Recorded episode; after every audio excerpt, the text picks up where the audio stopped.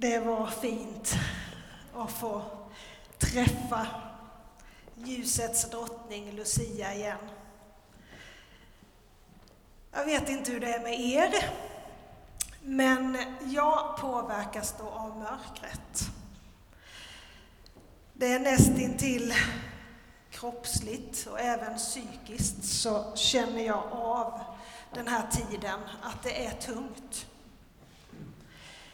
För visst är det mörkt? Vi ser.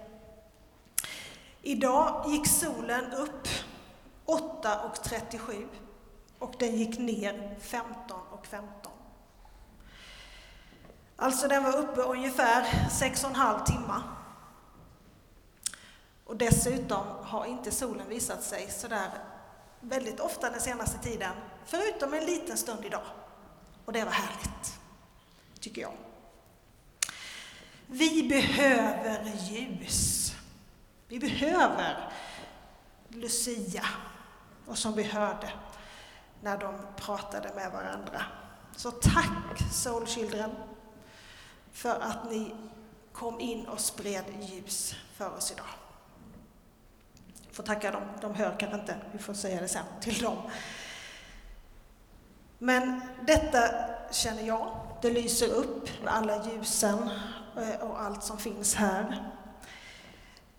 Men det finns ju också annat mörker än det vi ser ute. Jag tror att vi alla kan relatera till saker som kan kännas mörkt inom oss. Det kan vara många olika saker. Det kan vara sorg, det kan vara ensamhet, det kan vara att man känner att man inte duger. Det kan vara oro för sig själv eller för någon annan, oro över ekonomi. Ja, listan kan göras hur lång som helst. Och även i det mörkret så behövs det ju ljus. Kanske allra mest där. I Bibeln så står det väldigt mycket om ljus. Man behöver faktiskt inte läsa mer än två verser in i Bibelns början. I Bibelns första bok så står det i vers 2. Gud sade, ljus blir till, och ljuset blev till. Gud såg att ljuset var gott, och han skilde ljuset från mörkret. Det är bra början, tycker jag. Ljuset behövs för att man ska för att man lättare ska se vem man är och vad man gör. Och, och, ljuset behövs ju för att vi ska kunna se varandra. Sen genom hela Bibeln så finns det så många bibelverser om ljus. Bara för att nämna några så säger Jesus om sig själv Jag är världens ljus. Och han säger också Ni är världens ljus. Och han säger Lev i ljuset. Vandra i ljuset. Ljuset lyser i mörkret och mörkret har inte övervunnit det. Så står det i Bibeln. Den nalkande julens budskap skulle kunna sammanfattas med ordet ljus. I Gamla testamentets eh, profetior nämns ljuset i det som skulle ske. Profeten Jesaja skriver 700 år före Jesu födelse, så nämner han så här. Det folk som vandrar i mörkret ska se ett stort ljus. Herdarna utanför Betlehem blev belysta av änglarnas strålglans. Och när evangelisten Johannes beskriver Jesu uppdrag här på jorden så blir det med orden i honom var liv och eh, i honom var liv och livet var människornas ljus.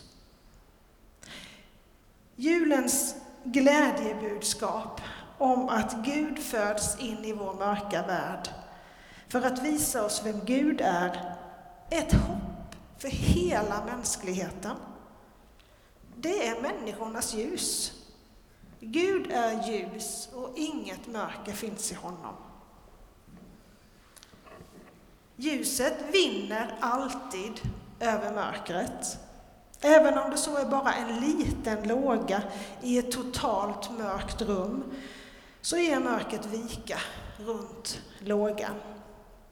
Och I ett redan upplyst rum så går det inte att släppa in mörker. Det försvinner. Och en ljuslåga märks inte heller så tydligt i ett redan upplyst rum. Så ljuset behövs mest och gör störst skillnad där det är mörkt. Därför kommer julen så lägligt just nu i decembermörkret. Och budskapet om hur Gud blir människa blir ett hopp för oss.